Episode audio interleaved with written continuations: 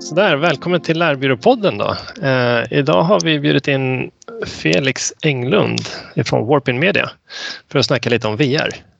Välkommen ja. Felix. Tack så mycket, kul att vara här. Och vi andra då, jag heter Joel Skog och sen har vi med oss eh, mina två kollegor. Ni får presentera er själva. Stefan Sjö också från Lärbyrån. Och Amanda Steinman från Lärbyrån.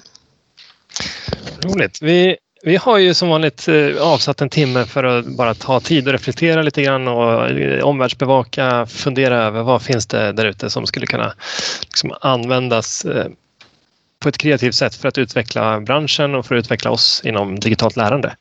Det är det som är liksom syftet med de här tillfällena där vi, där vi pratar med varandra och ibland bjuder in gäster. Um, vi träffade dig Felix för ett bra tag sedan och fick en liten demo av hur ni på Warpin jobbade med digital utbildning då via VR. Eh, kan inte du berätta lite grann om, om liksom vad din bakgrund är och vad, vad det är ni gör för någonting? Absolut. Eh, min bakgrund är egentligen inte alls inom, inom VR så, utan inom marknadsföring. Ehm, eh, men har också ett stort techintresse och jobbat eh, med tech på marknadsföringssidan. Så vill gå mer åt det hållet och då hittade jag Warped Media då, som, är, som jobbar med både augmented och virtual reality-lösningar.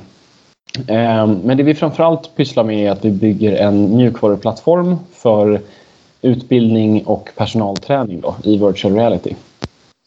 Ehm, Häftigt! Ja, det tycker vi det, också. Nej, men jag minns att när, när vi träffades första gången så reagerade jag över att eh, det är väldigt hype kring VR men det du beskrev det var, liksom, det var så nära det som vi är vana att göra, att jobba verkligen med utbildning. Att, att ni använder VR för utbildning primärt business to business, är det korrekt? Det är korrekt, ja, jajamensan. Det är liksom, fokus är på, på personalträning. Då. Ja. ja, häftigt. Vi hade ju tänkt att vi skulle ha haft en demo innan det här tillfället eh, och fått eh, sätta de där headseten på huvudena och testa lite grann. Eh, nu var vi tvungna att boka av det den här gången och vi får väl se om vi lyckas få till det men, men man skulle kunna tänka sig att det här eh, snacket nu det blir lite försnack inför en demo. Eh, och sen får vi testa att göra demon och i bästa fall göra någon slags uppföljning där vi pratar av oss och eftersnackar. Vad, vad har vi upplevt och vad kan man faktiskt göra av det här då? Um, Ja, men det låter som ett jättebra upplägg. Mm, jag, jag, tror att det skulle kunna bli spännande. Min, min erfarenhet tidigare av VR det är att får man bara de där, det där headsetet på huvudet, det, det är det som gör att man blir såld. Uh, vi blev ju ändå ganska sålda förra gången när vi testade. Nu, det, det var ju inte samma demo eh, som vi skulle ha gjort den här gången, men vi har ju ändå testat. Eh, men, fått vara i en miljö och fått testa liksom, den utbildningen som fanns. Ja, men exakt. Jag, jag tänker att eh, jag, fråg, jag tror jag frågade dig om, men borde man inte kunna göra en demo på distans då? Eh, har ni fått den frågan eh, många gånger? Ja, alltså det har vi fått. Framförallt nu då när, när mötena behöver vara digitala istället ja. för fysiska. Eh, men det är ju så, VR är ju så himla upplevelsebaserat som du säger. Så vi vill ju att någon ska in i VR-headsetet och få faktiskt titta på det som vi har gjort. Många har provat VR eh, och då är det liksom underhållning eller så är det sånt som har en stor potential och det är mycket framtid. Mm. Medan eh, för oss så vi försöker göra någonting här och nu. Bygga liksom, eh, produkter och utbildningar som som man kan använda eh, idag. Och, och, det, vill vi, det är viktigt för oss att få visa upp det och få visa att det här, det här kan bringa värde nu. Och, och därför så vill vi verkligen eh, mm. Eh, tillgängliggöra själva VR. Men det man kan göra är att man kan skicka ett VR-headset såklart på posten till mm. någon som sitter på distans. Mm. Och så kan man kika innan och så kan man ha ett eftersnack efter. Då.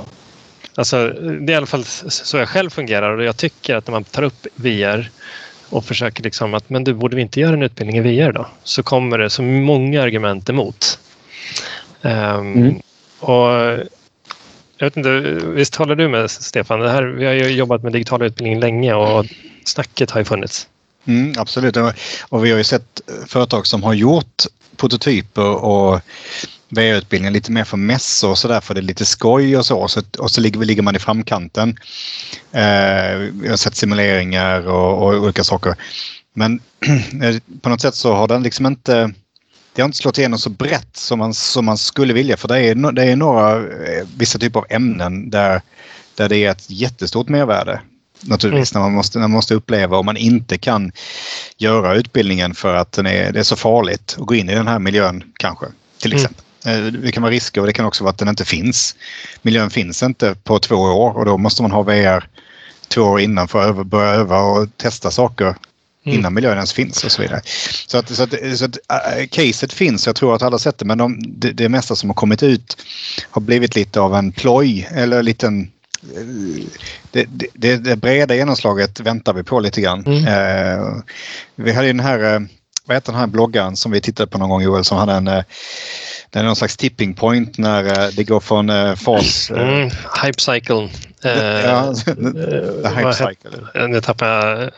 Vi får, vi får länka J.J. till Dillon var det va? Ja, precis. Mm. Men det, alltså själva sättet att tänka på det är att någonstans är det en tipping point där det måste gå över från att vara hype till att vara något som, som börjar användas liksom. Mm. Och det finns alltid någon utlösande faktor för det. Mm. Och om vi, om vi tittar, jag brukar gilla historik, det stora det var ju inte att iPhone 1 kom som gjorde att det blev mobilkurs som slog igenom brett. Utan då började man göra så här, åh titta vi gör en mobilkurs. Det tog ju några år innan det blev slå igenom brett och det hade att göra med att ekosystemet runt omkring började komma ifatt. Verktygen som utvecklade kurser måste också bli mobilanpassade för den nya distributionsmetoden då. Så det kanske inte var förrän nu, jag, nu har jag inte några i huvudet men jag ska säga att kanske 2011, 2012 som man borde tänka mobilkurser på slå igenom lite bredare.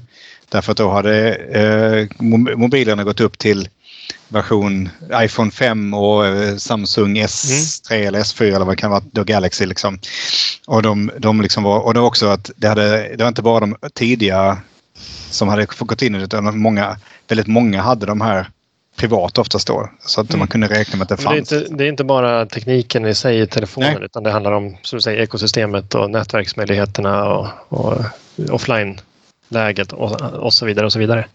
Så jag... Mycket som ska till. Men den här kanalen måste jag fråga om. Den, visst är det så att det, det blir liksom en avgörande faktor. De här headseten kommer bli en, en eh, det är liksom det som måste en av de saker som måste till för att det ska funka för specifika företag och sen om det ska slå igenom brett så måste det vara en hushålls... Alltså det måste finnas i alla hushåll för man ska kunna göra det ännu bredare. Liksom. Men visst, ja. visst, kan man väl jämföra den här iPhone 1 som Stefan nämner med typ Oculus? Eh, att, att tekniken finns idag. Absolut, och den går ju också framåt i, ja. rasande fart. Eh, om man tänker på Oculus så släppte de ju eh, Oculus Quest. För nu vet jag inte exakt när det var, men det var inte länge sedan. Det var ja, det nog drygt halvår sedan, eller ett år. Ja. Eh, och nu har de redan släppt Quest 2. Mm. Som, eh, ja, men som gör samma sak, fast den är, den är lättare och snabbare, har högre upplösning. Och liksom, ja, men, så, så det går undan. Men eh, med ett sånt, man, det är ett headset som är ganska eh, lätt. Alltså det, är, det är inte en tung tegelsten man har på näsan. Eh, och visst har den kameror också så att du kan använda händerna och gestikulera? Precis. Eh, det kom ju nu eh, under våren. Eh, hand tracking. Så du kan, liksom, du kan hålla upp dina, dina händer. Eh, jag blev faktiskt ganska så... Eh, alltså jag trillade nästan av stolen för, att, ja. för hur liksom imponerande korrekt den återgav mina handrörelser ner på väldigt så finmotorisk ja. nivå. Du ehm. håller händerna framför dig och då ser du liksom din avatarhänder? Då ser jag mina 3D-händer, ja. Precis. Ja. Och när du ehm. rör på dem så kan du typ greppa ett glas och du kan peka på saker. Det kan exakt. Eller så ja. kan man, så, man kan bygga mjukvara på det sättet. Ja, det. I alla fall. Så hårdvaran står ju där för själva handtrackingen och sen får du använda den hur du vill på mjukvarusidan. Då. Mm. Um, men så det, liksom, det är ett jättebra exempel på hur, hur fort det går framåt. Ja, skillnaden mellan att ha en eller två handkontroller med olika knappar till att kunna lägga ifrån sig dem och interagera med miljön helt och hållet med sina händer är ju såklart enormt stor inom kirurgi.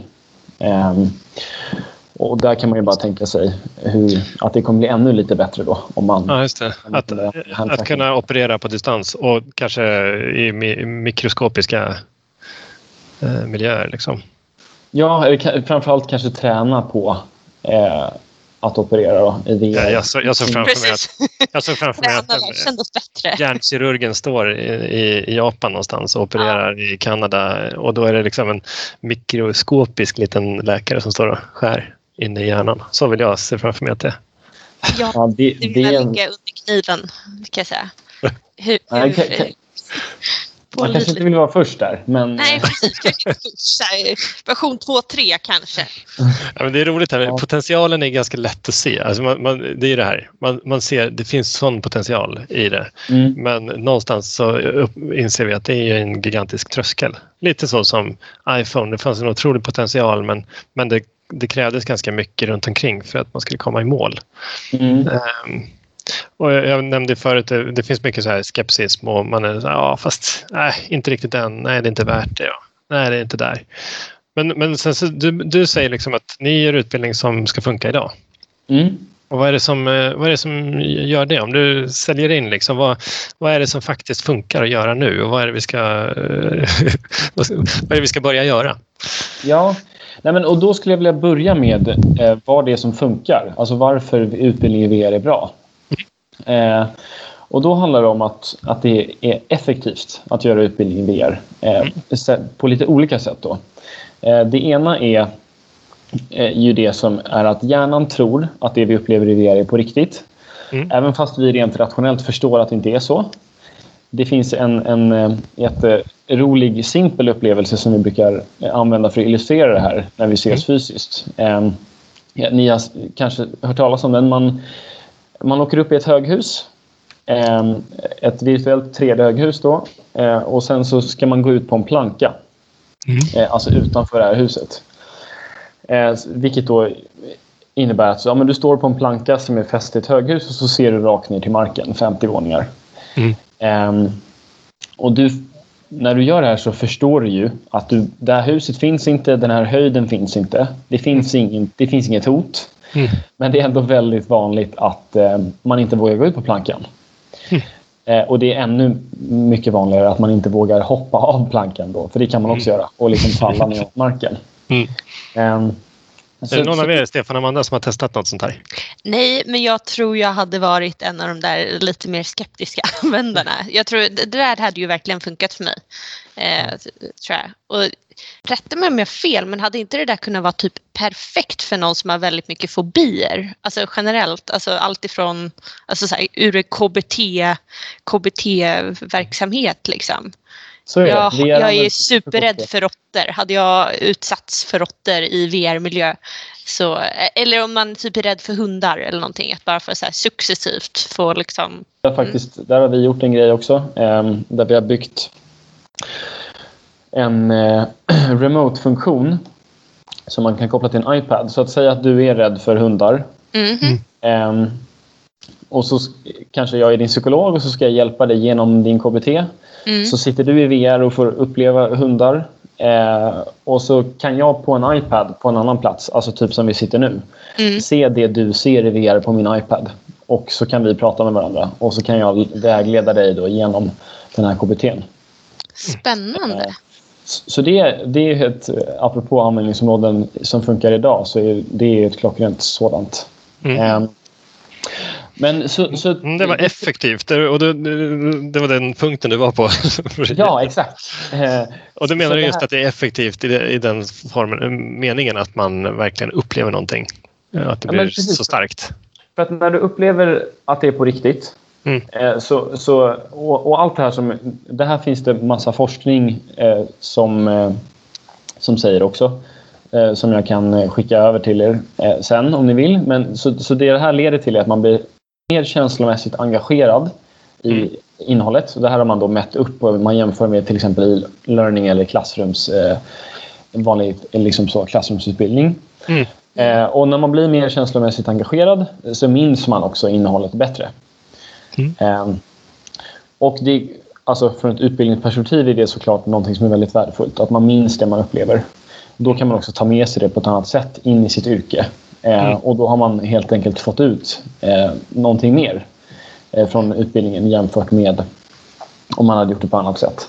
det finns ju också eh, den här effekten av att när du sätter ett VR-headset på huvudet så kan du inte bli eh, distraherad på samma sätt av en telefon eller av ett mejl eller av eh, någon kollega eller vad det nu än må vara som, som kan störa dig om du gör en utbildning på datorn eller i klassrummet. Det. På det sättet. Mm. Så, så det ökar ju också fokuset mm. eh, och gör att man helt enkelt tar med sig det här bättre. Och allt det här gör också att man kan korta ner tiden som man spenderar eh, på att mm. lära sig.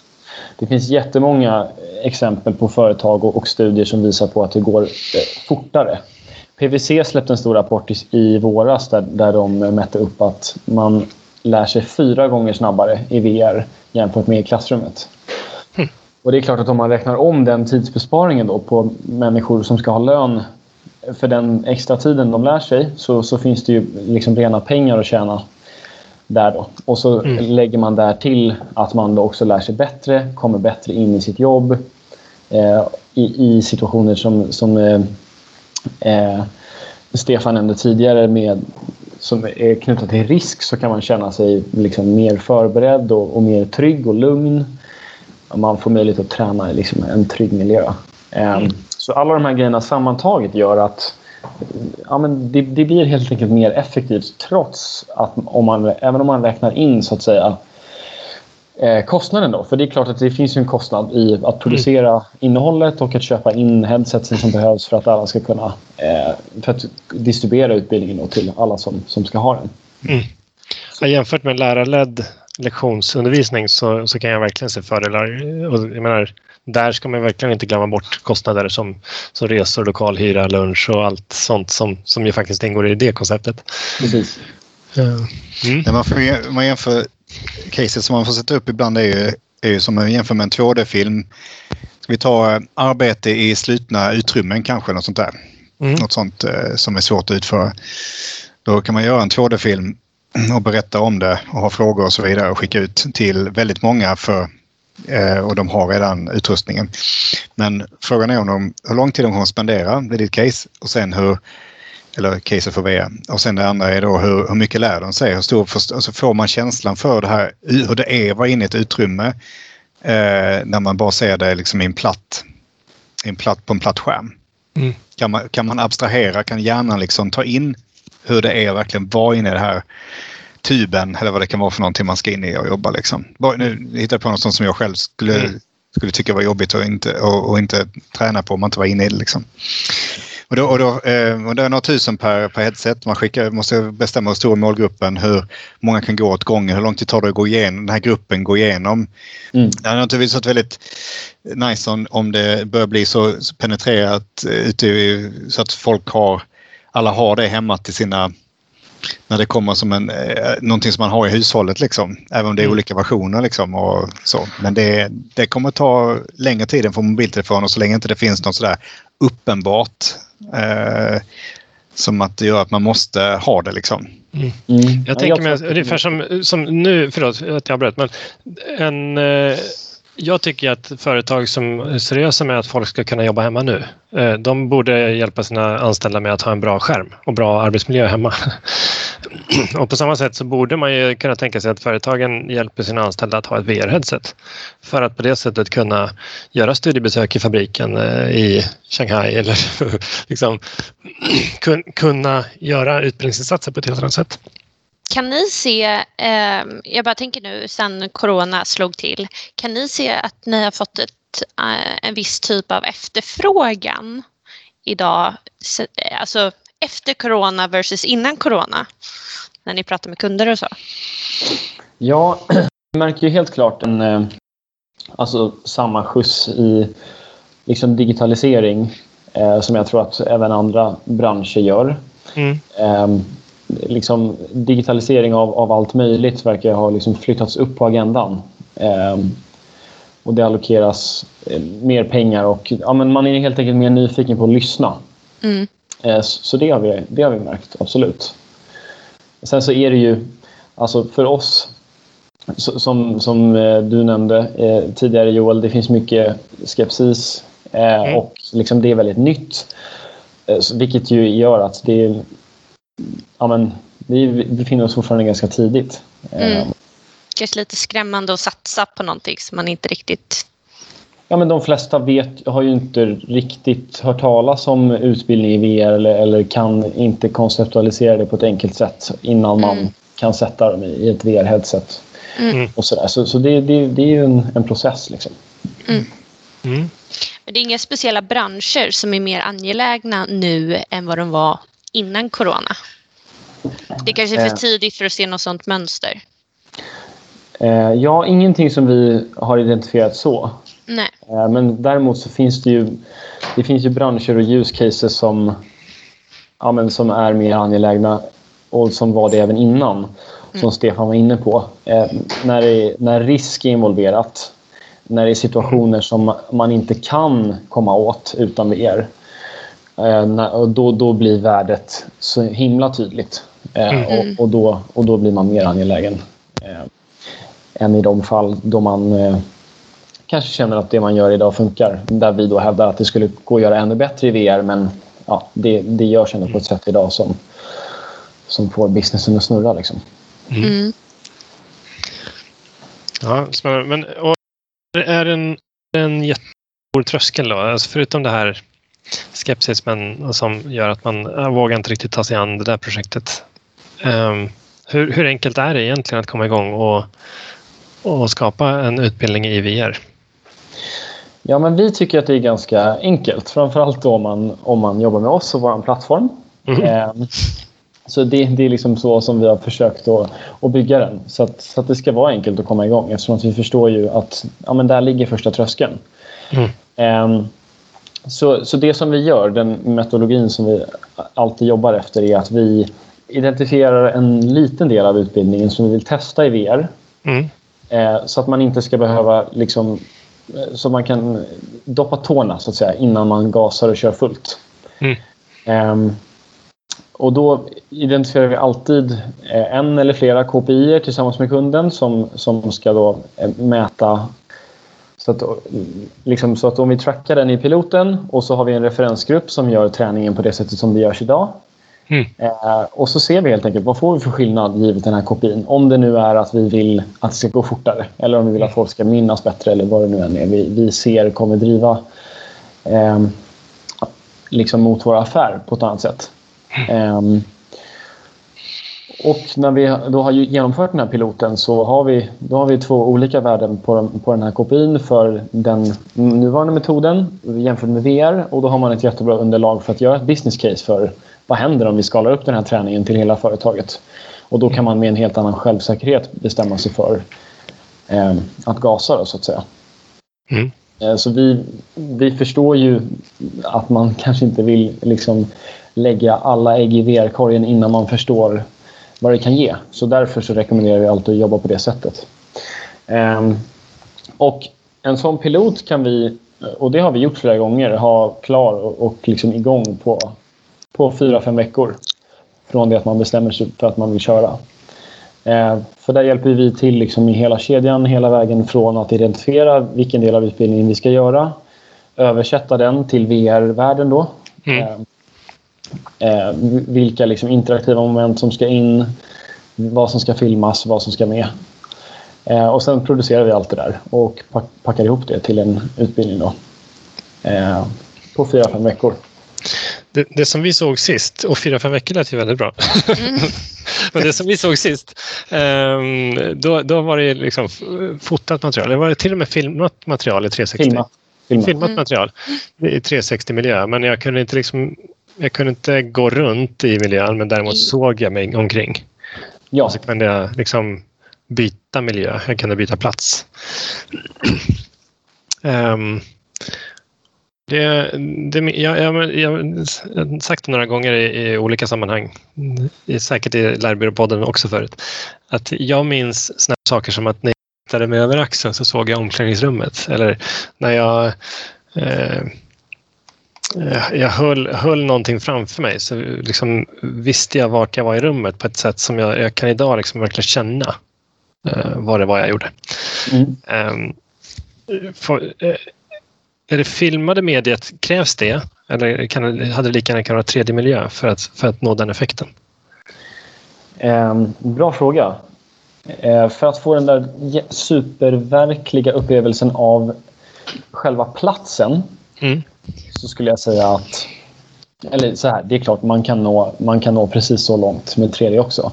Mm. Eh, men om det är platsen du vill åt, då är det mycket mer kostnadseffektivt att fota eller filma den än att bygga upp den i 3D. Mm. Så de gångerna som, där du vill bygga upp en miljö i 3D skulle jag säga är de gångerna som du vill kunna interagera med miljön. Eller springa okay. runt i den. Om du vill kunna springa runt i ett rum och dra i spakar eller flytta på saker eller liksom interagera med den, mm. då behöver du bygga upp den i 3D. Eh, om det som det där du såg, som mm. var ett provrum i en butik, mm. eh, när det mer handlar om att förstå vilken miljö jag befinner mig i, hur den ser ut och hur olika eh, situationer utspelar sig där. Så, mm. så blir det helt enkelt eh, mer kostnadseffektivt att filma det istället. För att då kommer man liksom hela vägen med det man behöver i den situationen med filmat. Mm. Intressant att det, att det är liksom den billigare lösningen eh, ändå. Det, det, är inget jag hade tagit för självklart. Faktiskt. Nej, okej. Okay. Nej, men så är det. Um, men då kanske också med en tydlig skillnad att eh, det förstår jag också om jag vill springa runt i rummet som du säger, dra i spakar och kunna interagera med saker. Mm. Eh, då, då kan jag förstå att då behöver man liksom generera en, en värld som du kan gå runt i. Och det är klart att då, då blir det mer kostnadsdrivande och eh, ett behov av 3D på ett annat sätt. Annars väldigt mycket filmat material som ska till. Ja, precis. Nej men eh, intressant. Jag, mm, lite nyfiken på den här demon då som vi, jag och Amanda har ju testat eh, en äldre demo som du var här och visade just för att visa exempel på vad, vad ni har gjort tidigare. Mm. Vi blev ju lite sålda, det kan man inte sticka under stol med. eh, däremot så har det, det är svår, jag tycker det är svårt att identifiera när kan man köra det? Vad, vad är det som gör att det här är ett projekt som är värt att, att köra på VR? Eh, den demon som vi tvingades avboka nu då, Eh, men som vi hoppas kunna få chans att, att se. Mm. Vad tänker du? Vad, vad, gör den för mervärde och varför ska någon annan ta sig tid liksom, och boka in en sån? Vad, vad, vad, gör det för skillnad förutom att få höra det berättas om det? Ja, men det är ju det där vi började egentligen med att mm. eh, eh du, för man kan lyssna på det vi pratar om nu kring VR och man mm. kan liksom förstå. Eh, men det är först när man får uppleva det i VR som man verkligen, som poletterna trillar ner eh, mm. kring de, de här grejerna jag pratar om. Att det känns som att det är på riktigt och att man faktiskt tar med sig det man upplever på ett helt annat sätt.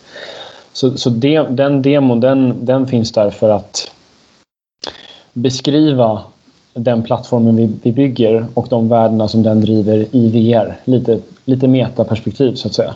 Eh, vi, vi, utbildar kring VR-utbildning i en VR-utbildning. Mm, eh, coolt. Smart. Um, så, så, det är liksom det är syftet med den demon. Och om man har ett headset hemma, kan man på något sätt eh, få tillgång till den demon eh, där man är? Eller hur, hur, funkar det? Vilken bra fråga.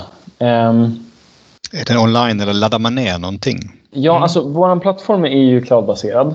Mm. Så att om man är kund till oss och liksom har utbildningar i skala så så sköts ju allt det där via molnet så att säga. Så då alltså, har skala det, det är liksom in, inloggnings... Eh, där man loggar in?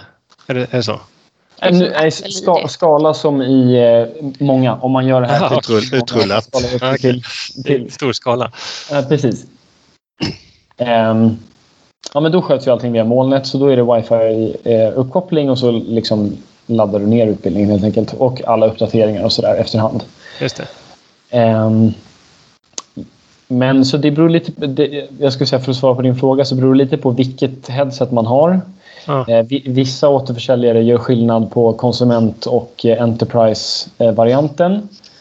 Så då behöver man ha Enterprise-varianten. Eh, mm. På vissa plattformar gör de ingen skillnad, så då spelar det ingen roll. Då kan man köra plug and play. Mm.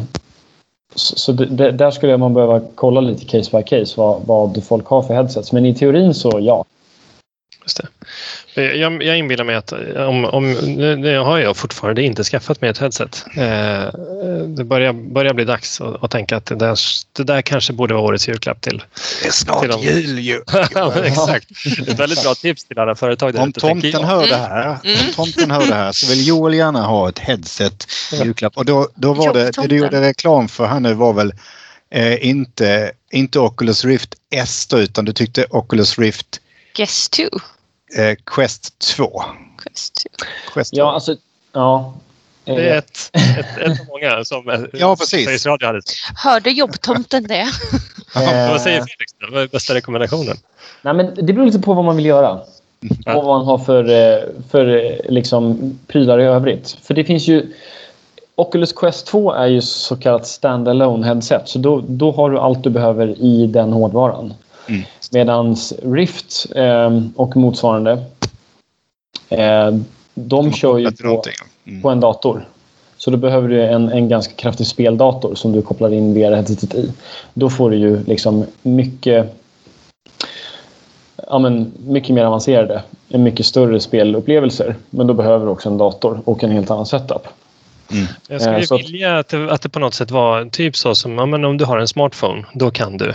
Och så, bara, ja, då går jag till den här webbadressen, loggar in. Om det nu är molnbaserat Mm. så borde man kunna komma åt saker. Det, det är så någonstans som jag inbillar mig att det borde... Det är så lättillgängligt som det borde vara för att eh, det faktiskt ska vara riktigt, riktigt intressant. Ja, men då är det Oculus Quest 2. För då har du Ja. allt du behöver i, i en och samma eh, headset.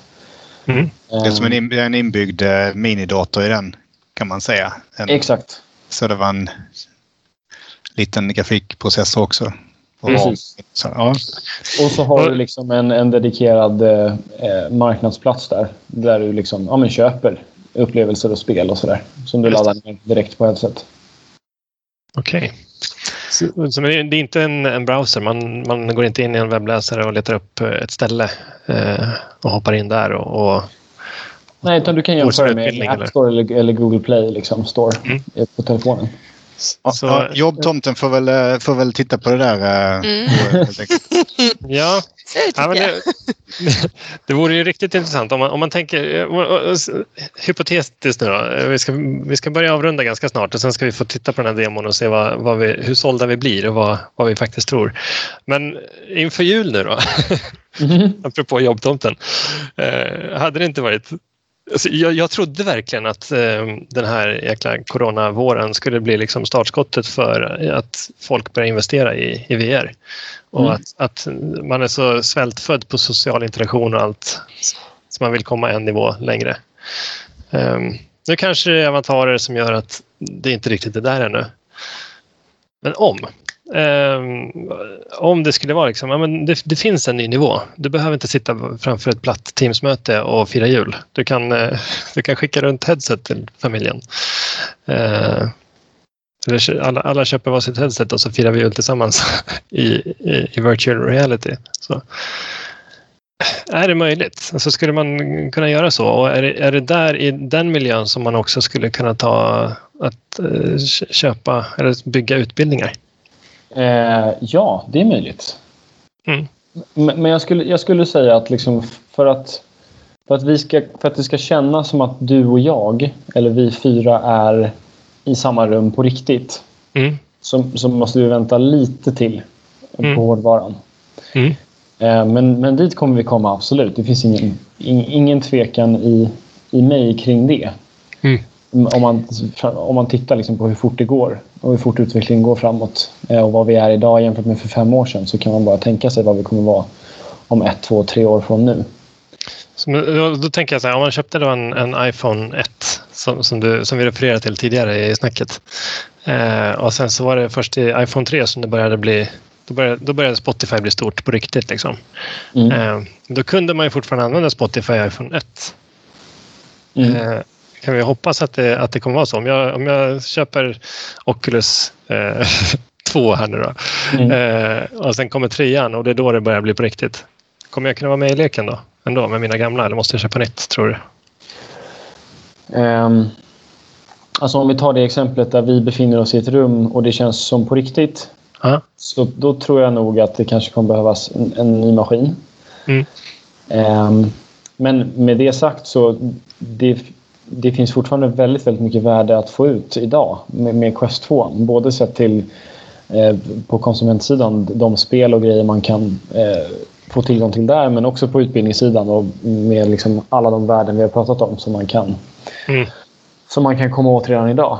Så att även fast liksom framtiden är, är, är, väldigt ljus och vi kommer kunna... Alltså jag tror ju att VR och AR, eh, kombinationen av dem, kommer, mm. byta, alltså, kommer ersätta all, all 2D. Mm. Alla mm. 2D-skärmar. Så, så liksom, om, om vi bara försöker förklara vad jag ser att potentialen i de här teknologierna ligger så, så ligger den på den nivån mm. om några år. Men det betyder inte att vi inte kan få ut väldigt stort värde av det redan idag. Om man vänder på investeringsfrågan. Nu, nu tänkte jag som jag som privatperson ska investera i ett par ett, ett headset. Om man vänder på det och säger som företaget ska investera i en VR-utbildning. Mm. Eh, kommer den vara hållbar över tid? Eller måste man göra om den då om, om ett år? Eh, om ett år behöver man inte göra om den. Mm. Eh, alltså det finns ju, de, det finns ju uppdateringar som, eh, som bygger på att företaget kanske ändrar sin utbildning och hur, man, alltså hur, hur den bör gå till. Mm. Men då är ju tjänsten cloudbaserad så då kan, det är ju enkelt att uppdatera och skicka ut eh, till alla headsets var, mm. var de nu än befinner sig någonstans. Um, men, men det är klart att alltså, i, i de fall som hårdvaran tar så pass stora kliv så mm. att det finns nya grejer man vill utnyttja som man inte har på sin nuvarande utbildning. Ja, då, kan det, då kanske det finns poänger kring att liksom uppdatera delar och sådär. Eh, vi pratade om handtracking som har kommit. Eh, låt säga att man gjorde en utbildning innan det med handkontroller och sen kommer handtracking och så känner man att men här kan vi få ut ytterligare mer värde om vi, om vi gör om den här lite grann och anpassar mm. den efter handtracking. Men det är aldrig så att man behöver liksom göra om allting. Utan de här utbildningarna är modulära på det sättet att de är uppbyggda av massa små moment. Det är någon film där, en quizfråga där, någon annan interaktion och så bygger man ihop allt det här till en utbildning eh, som syftar till att... Alltså en kurs då så att säga. Eh, så det... Ja, ibland kanske man vill byta ut någon del av kursen men jag skulle säga att eh, alltså det finns absolut hållbarhet i det man gör nu också. Mm. Mm. Men det är, det är ju som, som, som det har varit länge, i alla fall för, mig, för min del. Det är väldigt intressant här och det, det finns en otrolig potential. Um, vad behöver, vi, behöver du, Stefan, någonting för att bli övertygad att, att uh, prioritera tid att göra en, alltså, titta en demo? Nej, men jag tänkte fråga först. Uh, jag, jag, ursäkta, jag fastnar i hårdvara, men jag tror att det är liksom det viktiga för att, för att få skeptiker över liksom mm. eh, och testa och våga satsa. Eh, är, är molntjänst där, eh, använder den både de här eh, headseten med inbyggda processorer de som, som är med som kräver eh, koppling till en hårdvara eller? Eh, vi, vi, eh, vår plattform är hårdvaruoberoende. Ja. Eh, så, så vi kör på den hårdvaran som funkar bäst just nu. Eh, mm. Och Det kan också vara olika hårdvara för olika kunder som, som vi var inne på tidigare. Någon kund kanske vill ha filmat och någon kund kanske vill ha att man behöver kunna springa runt i en miljö och göra olika saker. Mm. Då är Quest 2 bäst. Vill man, räcker det med filmat då kanske vi rekommenderar någonting som heter Pico G2 som är ett annat företag. Mm. Um, och om man ser till...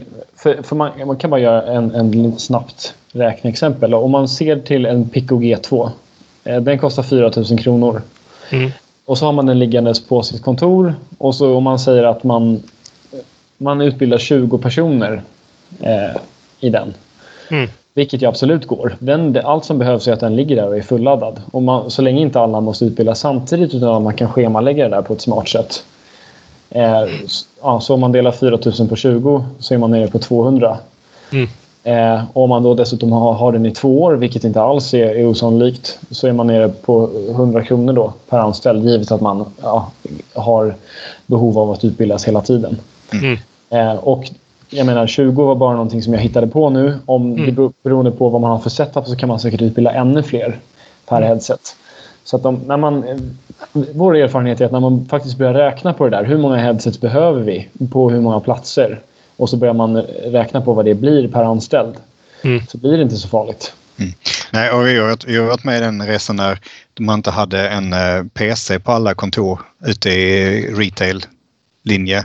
Ja, att man liksom började, ja, vi måste få göra den här utbildningen måste man ha en PC. Vi har ju kört lärarlätt innan. Så att, så att den här, de som varit med i branschen ett tag vet ju hur man kan göra den typen av komma över de kalkylerna liksom. Eh, men, men de här eh, viktiga punkterna måste uppfyllas precis som när man gick över från lärarlätt till digitalt. Så måste, där var det mycket för ut mängden geografiskt spritt ju, på ett helt annat sätt och få en konsekvent.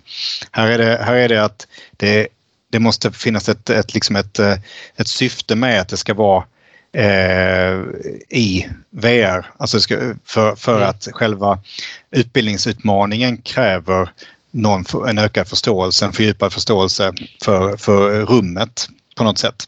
Upplevelsen, upplevelsen måste vara starkare på grund av att eh, man vill nå längre fram och man vill effektivisera utbildningen som du har lyft fram också på något sätt.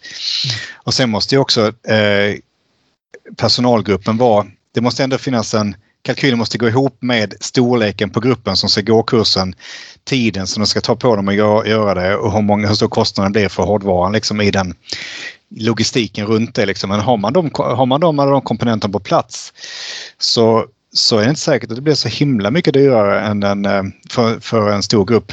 Framförallt jämfört med att flyga alla till en testanläggning på en viss plats till mm. exempel. Mm. Så att det finns många case där, där, där kalkylen går ihop mycket snabbare också. Nej, men, och, där sätter du huvudet på spiken. För, för det finns... Eh, det är en vanlig fråga. Vad kostar det här och hur dyrt är det? Och den frågan är alltså man, den besvarar man egentligen med att titta på vad ersätter vi det här med och, och vad blir skillnaden? Mm. Om vi ersätter en massa flygresor ja, då, kan, då kan det väldigt, väldigt snabbt bli superkostnadseffektivt. Mm. Eh, och så finns det tvärtom utbildningar som, där det är väldigt få människor som ska gå dem. Eh, och de är väldigt utspridda över hela världen så att man liksom får inte ihop logistiken helt enkelt med VR. Och då, och då går kalkylen inte ihop. Så jag skulle säga att spektrumet för liksom cases och hur bra det slottar in i VR är, är väldigt varierat. Mm. Mm. Jag skulle säga att, att vår syn på det är att det finns många fler cases där kalkylen går ihop väldigt bra än vad man tror. Mm. Bilden är att att man behöver att det måste vara flygbiljetter som, som man lyckas ta bort eller liksom många timmar av, av lärarlätt mm. för att det ska gå ihop. Och, och, och, där, ser vi, där ser vi någonting annat. Vi tror att det finns väldigt många cases där, just i och med det jag var inne på förut med att även om det, det behöver inte nödvändigtvis vara så att, att upplevelsen är en central del i utbildningen. Utan bara det faktum att du upplever det i VR jämfört med mm. till exempel digitalt eller ja, klassrumslätt ger en effektivitetsökning i alla fall. Mm. Jag tänker att har man väl öppnat upp och liksom börjat, börjat använda tekniken då, då är det kanske närmare till hands att, eh, att göra fler projekt eh, i VR. Ungefär som vi motiverar när man ska använda en film för att få fram en känsla som man inte får fram genom att klicka eh, eller läsa en text. Mm. Eh, så blir det som att har man, har man verktyget VR också i den paletten då kanske man inser att ja, men här räcker inte filmen till riktigt heller. Vi behöver känna ännu mer och då, då ska den här delen av utbildningen göras i VR. Eh, men då tänker jag att då måste man nästan ha kommit över tröskeln och ha verktyget i lådan eh, för att kunna ta de besluten. Så är det. Så det, piloten gjord och lyckad, då, då känns det som att då finns det då har man kommit över tröskeln. Mm. Och då finns det väldigt mycket potential. Nej, men och det är det vi ser, att när man vågar göra en pilot mm. och faktiskt använda det här och få feedbacken från de anställda och liksom också när man börjar mäta, mäta resultatet, då, mm. ja, men då, då brukar det gå undan sen. När man, för då ser man liksom det värdet som det faktiskt kan, kan driva. Mm. Och som du säger, jättebra poäng. Det, det ska ju såklart, man ska använda den ut, man ska använda den kanalen eller liksom tekniken som passar bäst. Ibland, ibland passar klassrum bäst. Eh, ibland passar film bäst eh, och mm. ibland passar VR bäst. Och jag menar, de bästa kurserna är säkerligen en kombination. Mm, absolut, mm. helt, helt eh, övertygad om det. Typ en onboarding för en nyanställd är liksom en palett av massor med olika. Allt ifrån sms, alltså verkligen ja. bara kommunikationskanalen sms till kanske VR för att göra studiebesöket eh, i fabriken som ligger på andra sidan jorden. Mm. Ehm, kombinera med allt det där. Mm. Hemläxa från oss, för oss är helt enkelt att ja, men nu är det nog moget nog att uh, testa hårdvaran uh, mm. ordentligt. Uh, och det andra att alltid ha med uh, det här i paletten när man tittar på hur ska ni lösa den här utbildningsutmaningen som ni har framför mm. er, kära konsult. Att, att uh, säga att det här, är, det här är realistiskt och det är någonting som går att lösa uh, bara man uppfyller de här kraven som ett case behöver ha. Och de här kraven är inte annorlunda än krav för andra typer av saker som filmning till exempel kräver ju mm. också att varför ska man filma om det måste finnas ett, ett giltigt syfte för det också så att säga. Mm. Um, ja, det är faktiskt liknande kriterier för just uh, att lägga lite mer pengar och inte bara göra en enkel intervjufilm utan en dokumentärt uh, filmad, känslosvallande, uh, engagerande film. Så. Mm. Yes. Mm.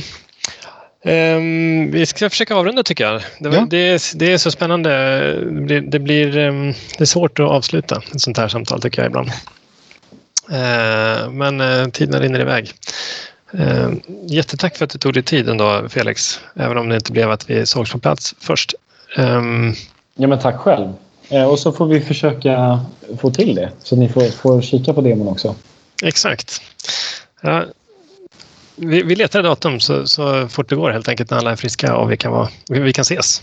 Jajamensan. Och är det någon som lyssnar på det här som vill prata med Felix så kommer ni se hans kontaktuppgifter naturligtvis också. Så att mm. eh, det här... Eh, våga testa.